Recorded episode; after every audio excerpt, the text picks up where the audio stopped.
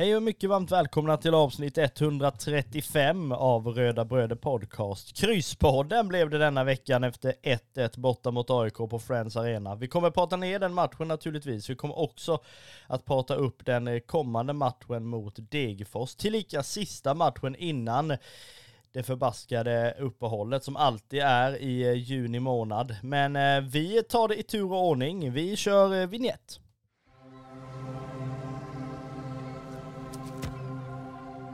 Säger väl som vi brukar då att vi hälsar dig som lyssnar välkomna till Röda Bröder Podcast.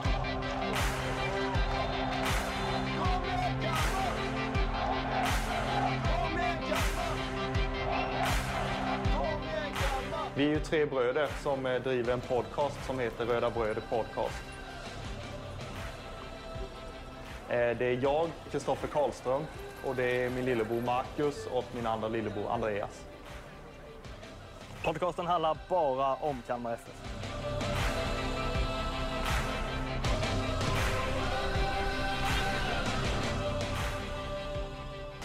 Ja, ni ska ju känna er jättevälkomna till Röda Bröder Podcast. Ett supergött bra avsnitt hade vi under förra veckan eh, som kom ut lite senare, men det spelade ju ingen större roll. Lyssnarna är ju trogna i vanlig ordning och eh, likväl hoppas vi att det blir så även denna vecka när vi ska prata ner matchen mot eh, AIK. En match som blev eh, mer eller mindre en storm att bara rida ut eh, i princip. Det var liksom full fart från start, fast då åt fel håll kan man ju lugnt säga i alla fall med ett desperat AIK på ena sidan och ett Kalmar FF som försökte behålla sin fina form på den andra sidan. Eh, Kristoffer, vi eh, inleder väl egentligen där att vi har vi hade ju en match som vi som vi kände på förhand kommer bli ja, men intressant. Inte på något sätt en måste-match, men där det måste där saker och ting måste sitta kanske eh, för att det inte ska, ska då rinna iväg när vi har ett lag på andra sidan som ändå är lite desperata nu efter, efter hur det har gått under de senaste matcherna. Men den här matchen var ju på förhand en av, ja i alla fall de viktigare nu under vårsäsongen. Ja, absolut. Eh, och jag tycker väl att, ja, alltså om man ska gå in på det lite sådär direkt så, så var jag väl rätt så besviken på hur inledningen eh, var och likadant den första halvleken. Eh, men som du säger, det var en, en viktig match ur, ur många synvinklar. Eh, ett AIK som var stukat ordentligt eh, och vi visste ju att de skulle komma ut alltså desperata efter poäng och desperata efter någon form av heder gentemot sina supportrar som redan är vansinniga. Så att, eh, ja, alltså jag tycker väl att vi, att vi fick se ett, ett AIK som, som kom ut precis så som, som vi hade velat komma ut på Friends egentligen. Alltså de, de hade ju bollen alltså, i största delen av, av den första halvleken. Alltså kollar man statistiken så har de så 65-35 i bollinnehav och det är ju siffror som som vi är vana vid att, att Kalmar FF har mot sina motståndare. Och jag menar, det blev lite, ja, alltså jag kände att det spelet som, som AIK presenterade var väl ett spel som, som vi gärna skulle ha spelat istället mot dem. Ja men det hade man ju velat. Grejen är väl så här att jag, jag känner väl att man nästan får ändra lite hur, hur man eh, alltså, kommer in i den här matchen. Jag, jag, vet inte om du håller med mig om detta, men förr i tiden, ja för tio år sedan kanske då, eller någonting, när man mötte vissa lag så var man redan då så här bestämd på att det kommer att gå på ett visst sätt. Jag vet när man mötte Göteborg på Gamla Ullevi när de hade både Lasse Vibe och Tobias Hysén i truppen så var man liksom glad om man kom därifrån med med nollan intakt till paus.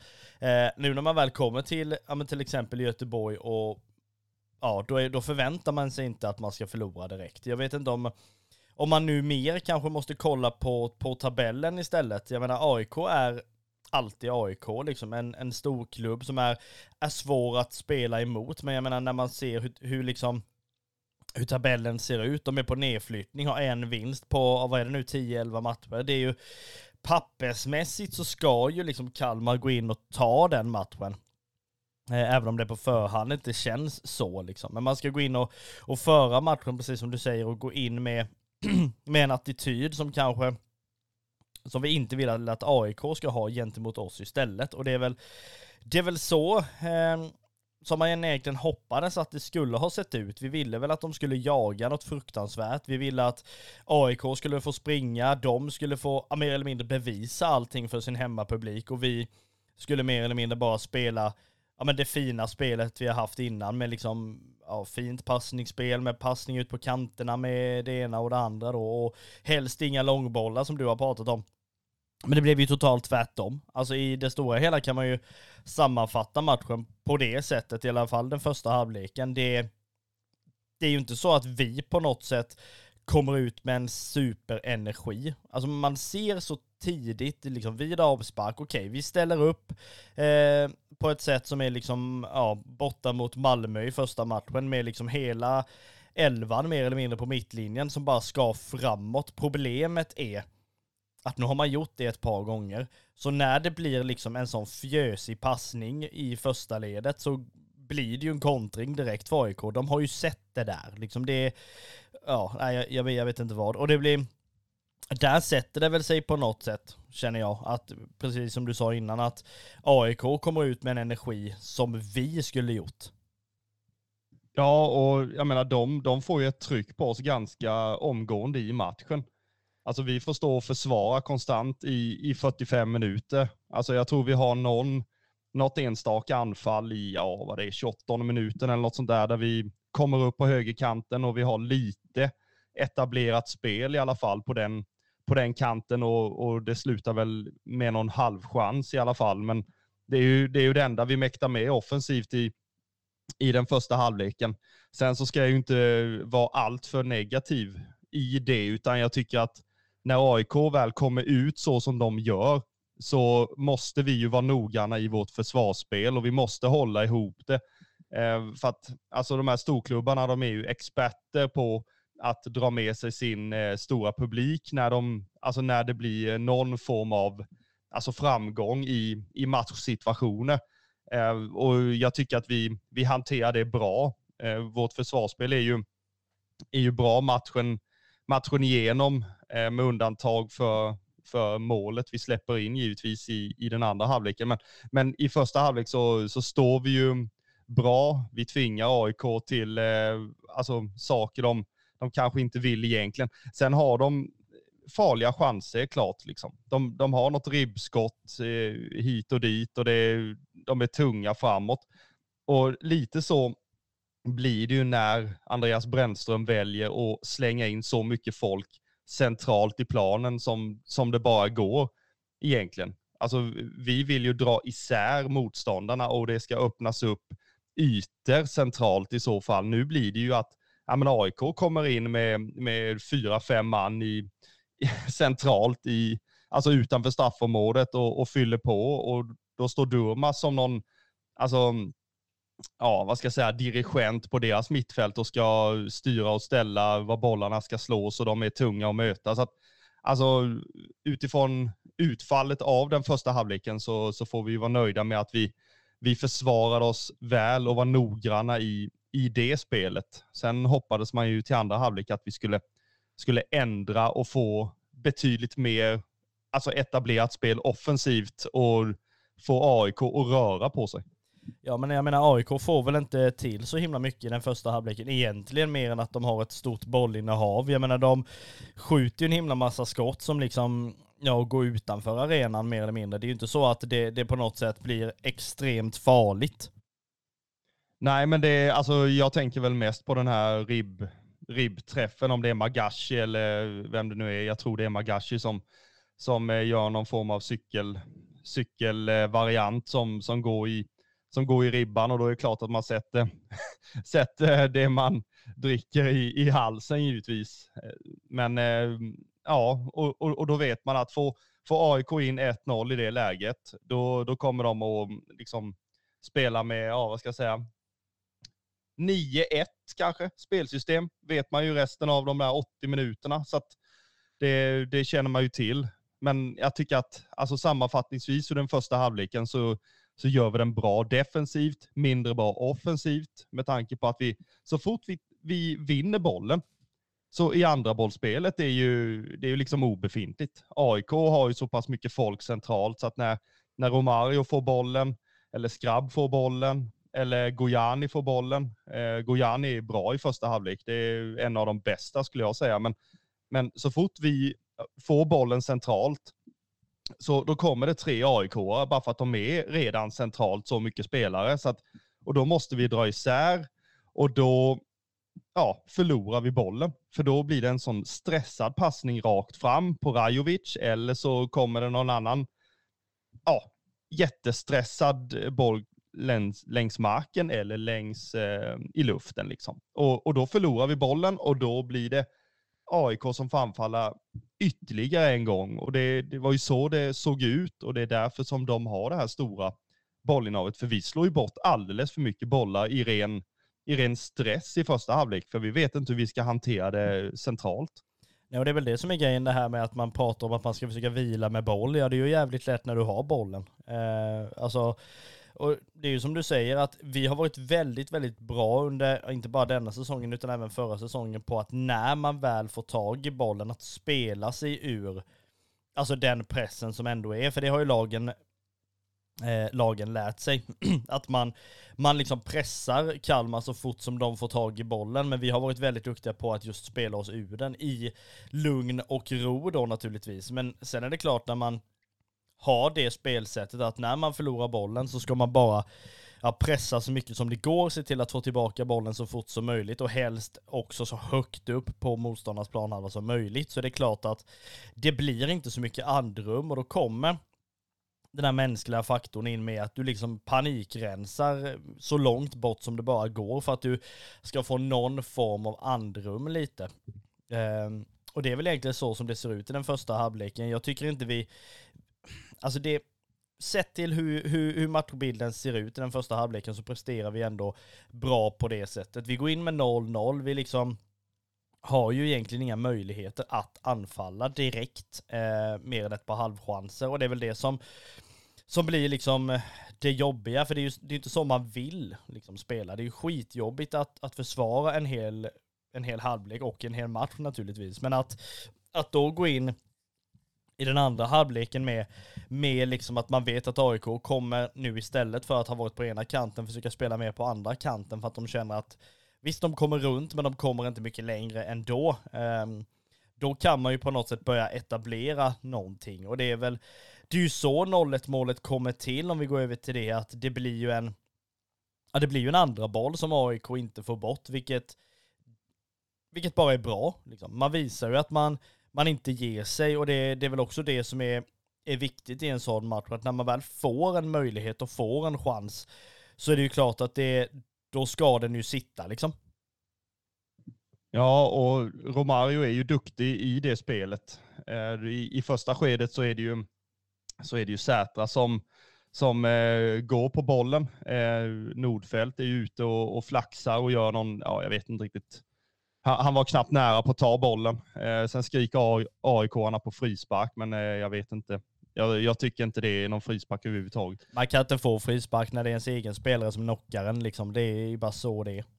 Ja, och, och då så är det ju så att eh, Sätra är ju, är, är ju bra i den situationen och, och stannar kvar i straffområdet när de väl får iväg bollen och, och den landar hos eh, Romario. Och Romario är ju, alltså, det spelar ingen roll. Han stressar ju inte upp sig i onödan, utan han, han hittar Sätra med en jättefin eh, ja, chip, eller vad man ska säga, som Sätra bara kan nicka in i öppet mål. Och sen är det ehm, fullt jubel borta vid Bottastå bland de 314 rödvita supportrarna som befann sig där. Och det var ju enorm glädje att man, alltså efter den första halvleken har fått försvara så kopiöst och sen i den andra halvleken så kliver man ut och skapar betydligt mer chanser än vad, än vad man gjorde i första halvlek och man får lite självförtroende att vi är med i denna matchen. Det är liksom inte bara AIK som, som, som är duktiga, utan vi kanske har gjort dem lite väl duktiga i första halvlek. Sen eh, får vi ett mål och man får lite lugn i det och man kan spela på det självförtroendet och, och börja och rulla runt bollen och få AIK och, och, och röra på sig helt enkelt. Och, och jag tycker att alltså, vi skapar ju betydligt fler målchanser i den, i den andra halvleken och, och ja, alltså det var som, nu ska jag inte säga att det var helt två olika lag så här, som Kalmar FF ställde upp med i, i första och andra halvlek, men lite mentalt så kändes det att ja, men vi, vi har inte kommit till Friends för att bara stå utanför eget straffområde och, och titta på vädret liksom när AIK spelar fotboll, utan i den andra halvleken så, så är det ju vi som är med i matchen också. Sen är man väl lite färgad, men det, så får det ju vara. Ja men det känns ju precis som du säger som att man går in i den första halvleken med en inställning om att man vill hålla i bollen, man vill se till att AIK får röra på sig. Sen havererar den planen fullständigt och man, man får istället försvara hur mycket som helst i den första halvleken och då vill man ju komma ut i den andra halvleken med, med ett annat eh, alltså tankesätt då också.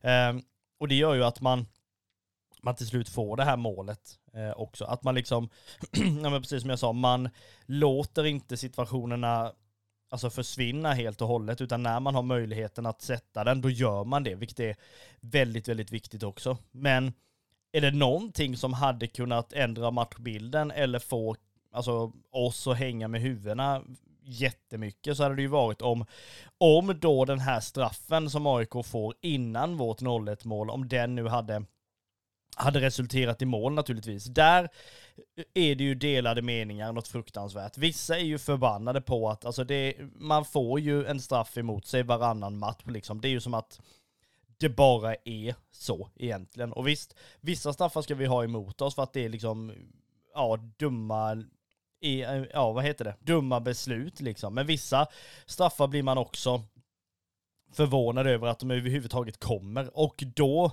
liksom denna straffen som kommer i den här matchen? Ja, men jag tycker den är, den är superbillig, straffen. Jag menar, det är, det är Magashi som, som springer in i, i Ricardo i den situationen. Så jag tycker inte, alltså det är inte, i mina ögon är det inte straff för, för fem småländska ören helt enkelt. Så eh, därför var det ju en, en enorm rättvisa att eh, Ricardo gör en, en fin räddning på, på den straffen från, från Faraj som, som slog den för AIK. Eh, och i, precis som du säger, i, i anfallet efter så, så är det vi som tar ledningen och mm, liksom den, den, den glädjen som, som det blir då när man har varit förbaskad över att det blir en straff emot den på ett sånt orättvist sätt så, så blir man ju alltså lite mer så här, ja, revanschlustan i, i det kommande anfallet och det resulterar i mål.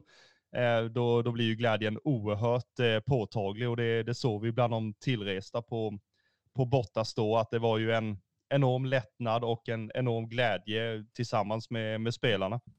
Ja, och vi ska inte fastna i det här med straffen nu, för då lär vi ju sitta här till McCools öppna på söndag. Men jag menar bara, alltså, jag kan känna på ett sätt lite både och. Det första, okej, okay, bollen är på väg att rinna ut. Av den anledningen så är det liksom, situationen är ju egentligen överspelad. Hur fan ska han hinna upp den bollen och göra någonting konstruktivt av den? Eh, det är väl det första. Å andra sidan, det är, alltså bollen är inte i närheten. Ricardo sänker enligt domaren då, eh, Magashi, vilket då enligt regel ska liksom resultera i någonting. Och jag menar, det är väl här man antingen får välja för eller emot. Ska Ricardo ut i den situationen? Ska vi sätta han i den situationen återigen? Att liksom man låter AIK ha en spelare i mitten, det är inte bara mot AIK det här har hänt, utan det är mot flera andra lag, där vi liksom lämnar ja, men mitten ganska så ren, vilket gör att de får möjligheten att komma in i den ytan. Jag blir mer förbannad över att att vi ens låter dem komma igenom. Att, att det ens blir en situation. Det ska inte ens bli en situation att Ricardo är tvungen att gå ut, försöka skära av vinkeln och sen trycka upp äh, handskarna i bröstkorgen på Magashi. Det är liksom, det ska inte. Jag håller med dig om att det är inte straff i mina ögon på det sättet och hade vi inte fått straff med oss i en sån situation så hade man väl skitit i det förmodligen också. För jag tycker att det blåses för mycket straffar, det blåses för enkla straffar och jag menar, ni som bara kollade, alltså Varberg-Häcken igår, det röda kortet som kommer, ni förstår nog helt vad jag menar med när jag säger att det är för billiga grejer som bara kommer under detta året, så att man vet ju knappt vad som gäller och inte gäller. Men, alltså vi ska inte sätta Ricardo i den situationen. Det är lite som, i matchen mot Malmö på bortaplan när vi sätter Sätra i liksom den situationen och han fick jättemycket skit. Vi ska inte sätta våra spelare i sådana situationer från början. Men det är ju ett kollektivt ansvar när man spelar i ett lag, så är det ju. Och jag menar, alltså, är det någon som man ser är lite illa ute, då är det ju spelbarhet som gäller. Alltså du måste ju, i och med att vi spelar det här kortpassningsspelet, så måste vi ju ligga i position att det går att spela sig ur. Och, och likadant defensivt så måste vi ligga kompakt. Och jag menar, det, det är inte bara Ricardos, om det nu är det då, eh, fel att det blir straff.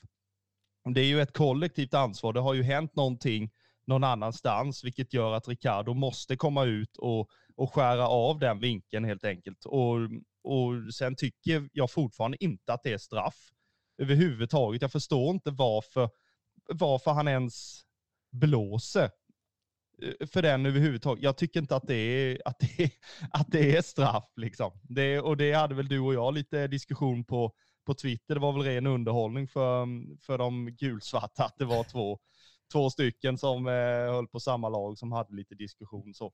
Och jag kan förstå att det blir de här reaktionerna framför deras ståplats givetvis. Och, och att domaren, det är klart att Alltså blir det sådana reaktioner och det, och det är framför en stor ståplats så är det klart att en domare är inte mer än en människa heller. Och jag menar, han har två stycken assisterande plus en fjärdedomare som, som kan se detta.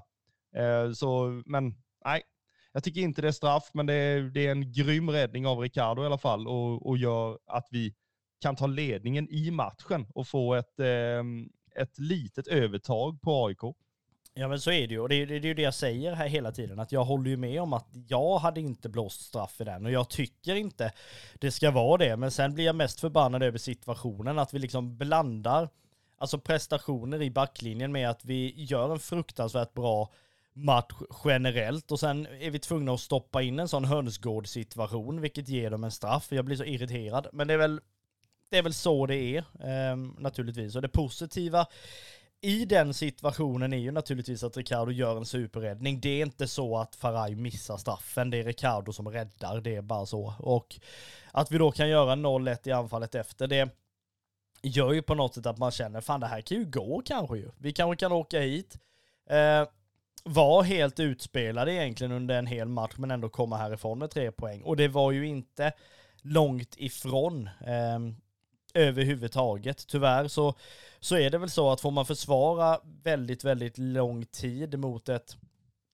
alltså ett stort anfall så blir det väl liksom till slut så att bollen kommer att rulla in på något sätt och tyvärr så blir det ju också så. Um, man hade ju helst av allt velat döda matchen mycket, mycket tidigare och där vet jag många har gett kritik mot ett antal spelare att liksom, ja men de eh, ja, de, de liksom presterar inte på den, det sättet som de ska vara. Sen finns det ju vissa, alltså viss kritik som är befogad naturligtvis. Ja, jag tycker också att Hymmet ska passa bollen i det läget, men han är insatt för att göra mål då, och döda matchen, så jag kan fatta att han drar det skottet, eh, naturligtvis. Sen finns det ju ryktesvis som liksom gör gällande massa annat. Att men det, det är klart att de inte spelar bollen på ett visst sätt, för de, ska inte, de spelar väl inte här nästa år i alla fall. Liksom. Och det, det, det är ju bara platt. Liksom.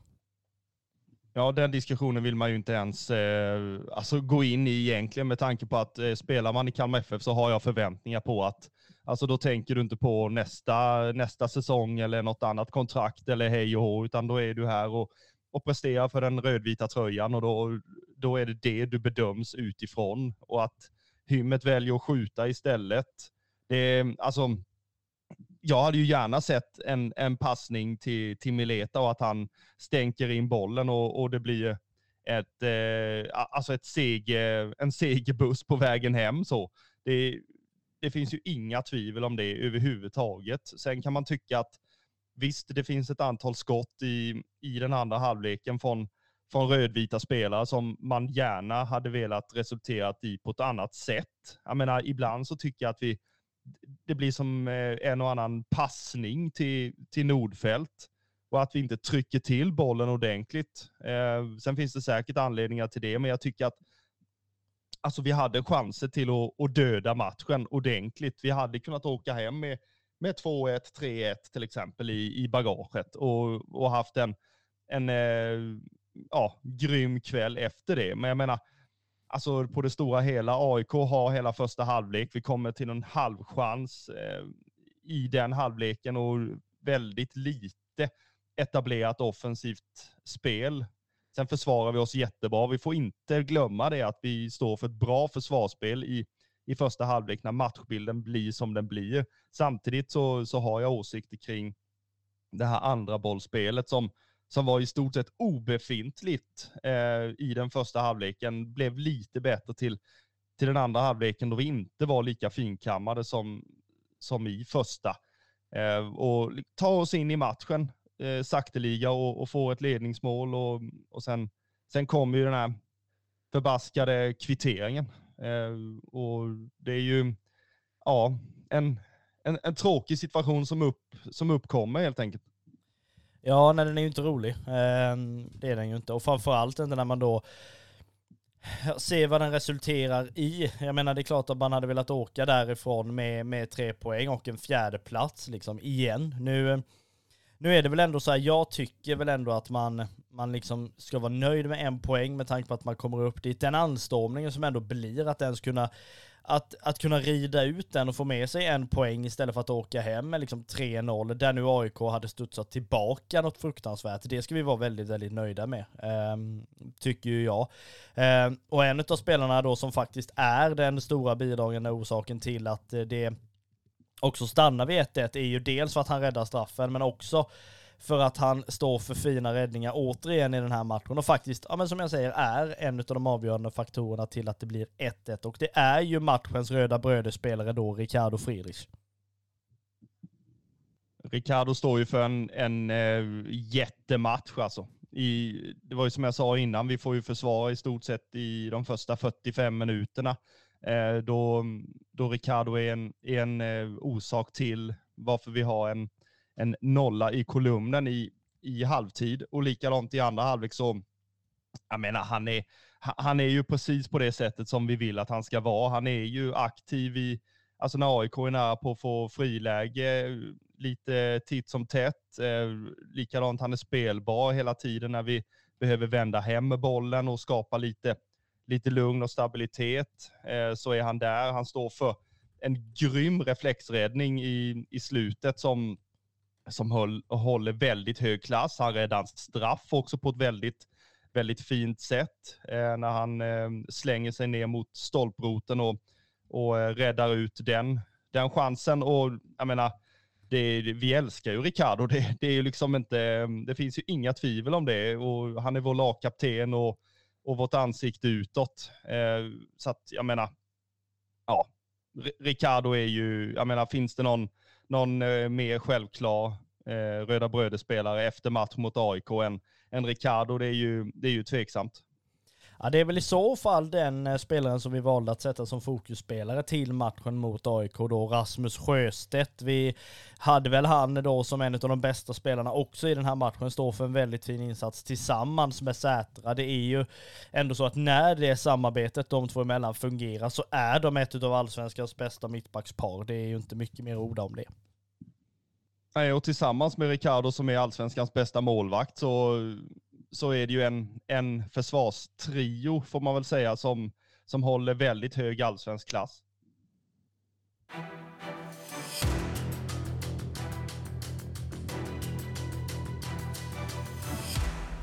Jajamän, och vi gör väl som så här att vi eh, struntar väl i matchen mot AIK så går vi över på eh, matchprogrammet inför eh, då kommande match och också sista matchen inför det stundande uppehållet när Kalmar FF ska möta Degerfors på söndag klockan 15.00. Eh, är det inte alls det, för det är lördag 15.00 den, den tionde. är det faktiskt. Det Alltså nu när man är ledig sådana här dagar, det är liksom, man vet ju knappt vilken dag det är. Det är en dag, sen om det är måndag, tisdag, onsdag, det har man ingen aning om. Men det är ja, lördag. det var en snygg räddning. Det var en snygg räddning måste jag, det var Ricardo-klass på den, på den räddningen där. Ja det var det. Ja men det, ja, ja absolut. Ja men eh, lördag, L-Ö-R-dag, är det som vi möter Degerfors. Ett Degerfors, om vi pratar det stukade, eh, lag när vi skulle möta AIK så kan man ju prata extremt styr. Då har de väl brutit benet Degerfors i, inför den här matchen kan man nästan säga. Det, det inte bra, eh, är det inte. Man ligger på en trettonde plats eh, med 11 inspelade poäng. Man har eh, i alla fall nu då haft två oavgjorda matcher då mot eh, mot Hammarby och mot Varberg. Gårdagens match mot Malmö vill de väl i princip bara totalglömma eftersom att den slutade 5-0 till Malmö.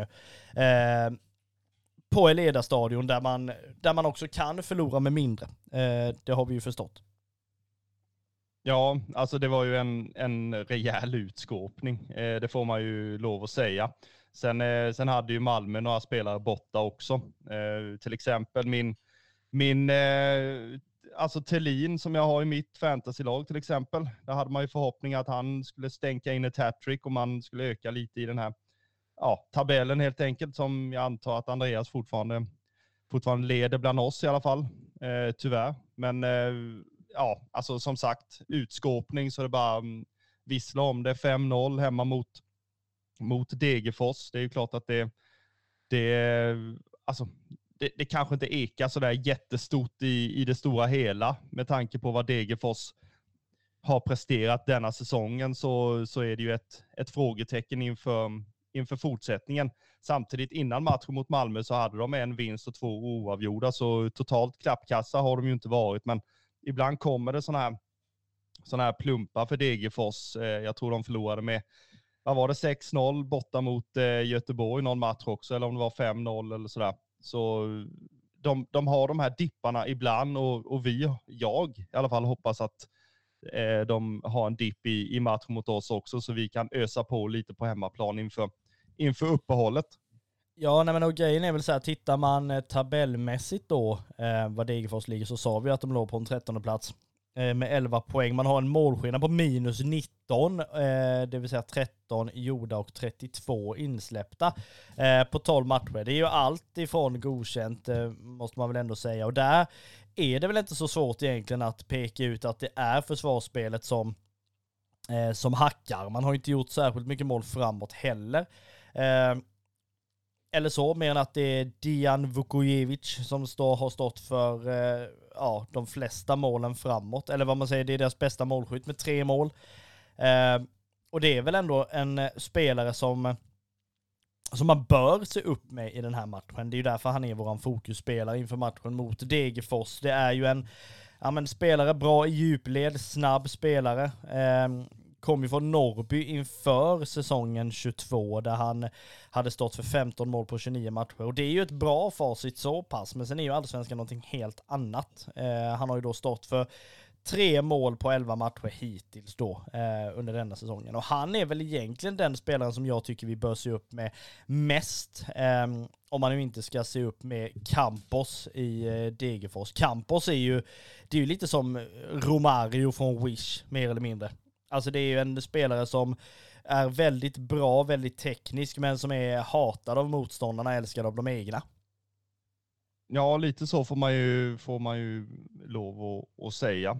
Eh, jag tror att alltså Vukojevic eh, i det spelet han har visat mot till exempel Djurgården, mot till exempel ja, Hammarby borta också tror jag, eh, så stod han ju för för många fina chanser och eh, mot Djurgården gjorde han ju mål också tror jag. Så han är en farlig djupledsspelare som, som eh, vi får se upp med. Eh, och jag tror väl att eh, Sjöstedt får, får springa lite mot honom i så fall. Eh, för jag tror de kommer att slå bollarna mot, mot eller förbi Sätra. Eh, och då, då gäller det att eh, Sjöstedt är, är med på, på banan helt enkelt och, och plockar bort Vukojevic.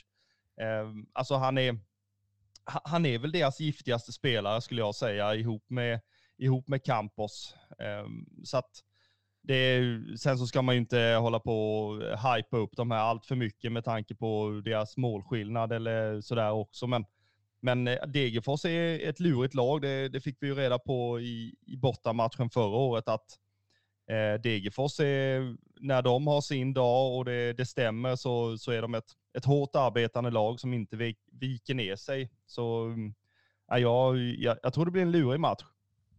Ja det lär det ju bli och det är ju som du säger, det är ett hårt arbetande lag, det här brukets lag eh, som de ändå kallar sig. Brukets stolthet, en eh, förening med ändå gamla profiler i sin historia, bland annat då Svennis Eriksson, man har Ralf Edström, Tord Grip och då bröderna Nordahl samtidigt. Man spelar ju på en eh, arena som heter Stora Valla, eh, en arena jag aldrig faktiskt har besökt eh, heller. En, eh, en arena som eh, jag tror innan de väl renoverade upp den eh, och gjorde någon form av, av läktar, eh, ja långsida, eller vad man nu ska säga, eh, så var det väl egentligen bara, bara en renodlad ståplats, eh, alltså stå runt räcket långsida har jag för mig att det var. Sen har man ju någon form av eh, kortsida för borta eh, supportrar samtidigt som man har på andra kortsidan, eh, alltså det här ja du vet, gårdsfest, partytält, stuket kvar liksom. Det är, ja, det är, no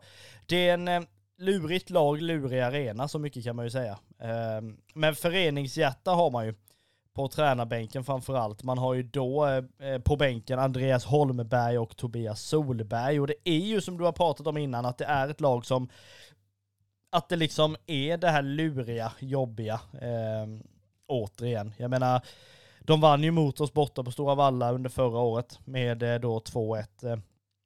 Och det är ju liksom inte, inte så att det är ett enkelt lag. Och jag vet inte hur jag ska förhålla mig riktigt till den här matchen. Det känns väldigt, ja men lurigt som du sa sen innan. Jag menar, jag vet inte vad man vill ha. Vill man ha ett lag som ändå har presterat någorlunda bra i matchen innan och bara kommer med den här serielunken till Guldfågeln? Eller vill du ha ett lag som är, alltså har förlorat med 5-0 och det liksom bara rinner in bollar bak eller sådär och jag vet inte, jag tror nästan våran inställning blir annorlunda om det kommer ett lag som liksom är på väg neråt, för då blir det omedvetet naturligtvis, men det blir att vi får det alltid svårare mot lag som redan fan har det svårt. Ja, men det, är, det är ju bara att titta på hur, hur det har sett ut på hemmaplan mot till exempel BP, mot till exempel Sirius, så, så är det ju klart att ett, ett varningsfinger bör höjas inför denna matchen. Att eh, det här får inte underskattas överhuvudtaget. Alltså det, det gäller att gå ut där och sätta matchbilden med en gång och, och trycka ner dem och, och låta dem låta dem jaga boll och tycka att det här är världens tråkigaste resa till, till Kalmar och, och Guldfågeln och, och bara få springa och jaga boll i, i 90 minuter och, och, släppa in mål. Det är väl det de som Degerfors är här får göra, säger jag. Så att, jag menar, jag har gärna ett lag som, som är stukat av föregående omgång om det blir så att vi kan utnyttja det i våran match. För jag, menar, jag vill inte ha att eh, Degerfors kommer hit eh, revanschsugna och vi kliver ut och är lite, lite sköna och ställer ut skorna här på hemmaplan. Det, det får liksom inte hända. Och det, de förväntningarna har jag inte heller, men, men eh, det vill jag absolut inte ha. Eh, jag tycker att eh, vi, vi bör vinna den här matchen mot, mot Degerfors och avsluta vårsäsongen Eh, och ta uppehåll med, med ett jättefint facit över, alltså sett över, ja, över vårsäsongen helt enkelt och inledningen av allsvenskan 2023. Att eh, vi har fler poäng än vad vi, än vad vi hade vid denna tidpunkten förra året. Eh, bara det kan ju få de här eh, pessimisterna i Facebook-kommentarsfältsmänniskorna eh, att eh, sitta ner och, och kanske ja, tänka lite positivt istället, istället för att eh, grotta ner sig efter 1-1 mot AIK. Då är det världens, ja, världens undergång på det viset. Det tycker jag inte är rättvist mot eh, mot laget, spelarna, föreningen och, och ledarna att, alltså som har gjort den här fina vårsäsongen. Så nej, vi smäller dit Degerfors bara. Alltså det är det enda jag önskar. Skitsamma siffermässigt, men vinn matchen och, och prestera bra och sen så går vi på lite uppehåll. Ja, det grejen är väl så här att det man, det man vill i en sån här match är väl att man ska komma ut väldigt, väldigt starkt, komma ut, alltså låta dem då löpa och springa och jaga livet ur sig och sen sätter man då första målet så det är klart att deras huvuden kommer ju hänga. Jag menar mentalt så är de ju fortfarande kvar någonstans i liksom matchen borta mot Malmö. Eh, och det kommer att sätta sig om man liksom sätter första bollen, eh, naturligtvis. och det är väl det som vi har eh, lite som tanke, eh, att man då ska få dem att jaga eh, väldigt mycket. Man ska få dem att, eh, att jobba för sitt liv mer eller mindre. Och då är det ju så att den vi har plockat fram som fokusspelare i denna matchen är ju då han som gjorde mål mot AIK och är en av de stora klipporna är i eh, försvaret i Kalmar, nämligen då Lars Sätra. Han gör ju mål på huvudet och det är väl det han är värvad för att göra när han inte ska rensa bort bollarna, eh, mer eller mindre. Och vår förhoppning är väl att eh, den fina formen för vårt lag fortsätter i matchen eh, mot Degerfors.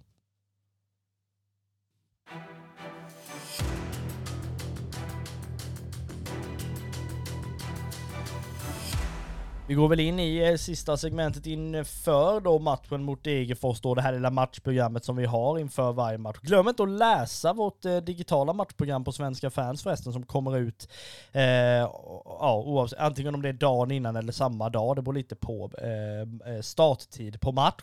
Eh, men glöm inte läsa den heller, efter att ni har lyssnat på detta då naturligtvis. Vi går väl in att vi ska tippa resultatet i den här matchen och vi är väl ganska så överens om att den här matchen kommer Kalmar FF att gå segrande ur ehm, med två mål mot noll. Vi har visat innan att vi är ett lag som kan hålla nollan. Vi har också visat att vi är ett lag som, som eh, kan vara solida defensivt och eh, även offensivt när det väl är så att det gäller. Och i den här matchen så gör det ju verkligen det. Vi vill också uppmana Eh, alla er som ska ta sig till Guldfågeln Arena att eh, gå med i Kalmar FFs cykelmatch mot eh, Degerfors där man eh, har ett antal erbjudanden om man tar cykeln till Guldfågeln. Det går ju bra vägar eh, dit och det är om inte annat lättare att parkera cykeln med en bilen utanför Guldfågeln.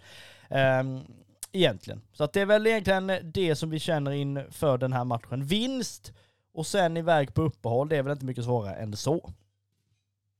Nej, sen så vill jag bara passa på och hylla Kalmar FFs, eh, vad ska jag säga, kansli med, med Marcus Rosenlund i, i spetsen som jag tycker har lyssnat på, på oss supportrar i vår liksom, så här, feedback i hur man kan göra matcherna och matcharrangemangen lite, lite roligare innan innan matcherna och få det till ett häng där ute vid, vid arenan i alltså ett antal timmar innan, innan matchen helt enkelt. Så eh, det är ju lite så att det blir lite hopp och det blir lite ansiktsmålning, det blir lite, lite aktiviteter och tävlingar. Så äh, det, jag ser verkligen fram emot äh, matchen mot äh, Degerfors.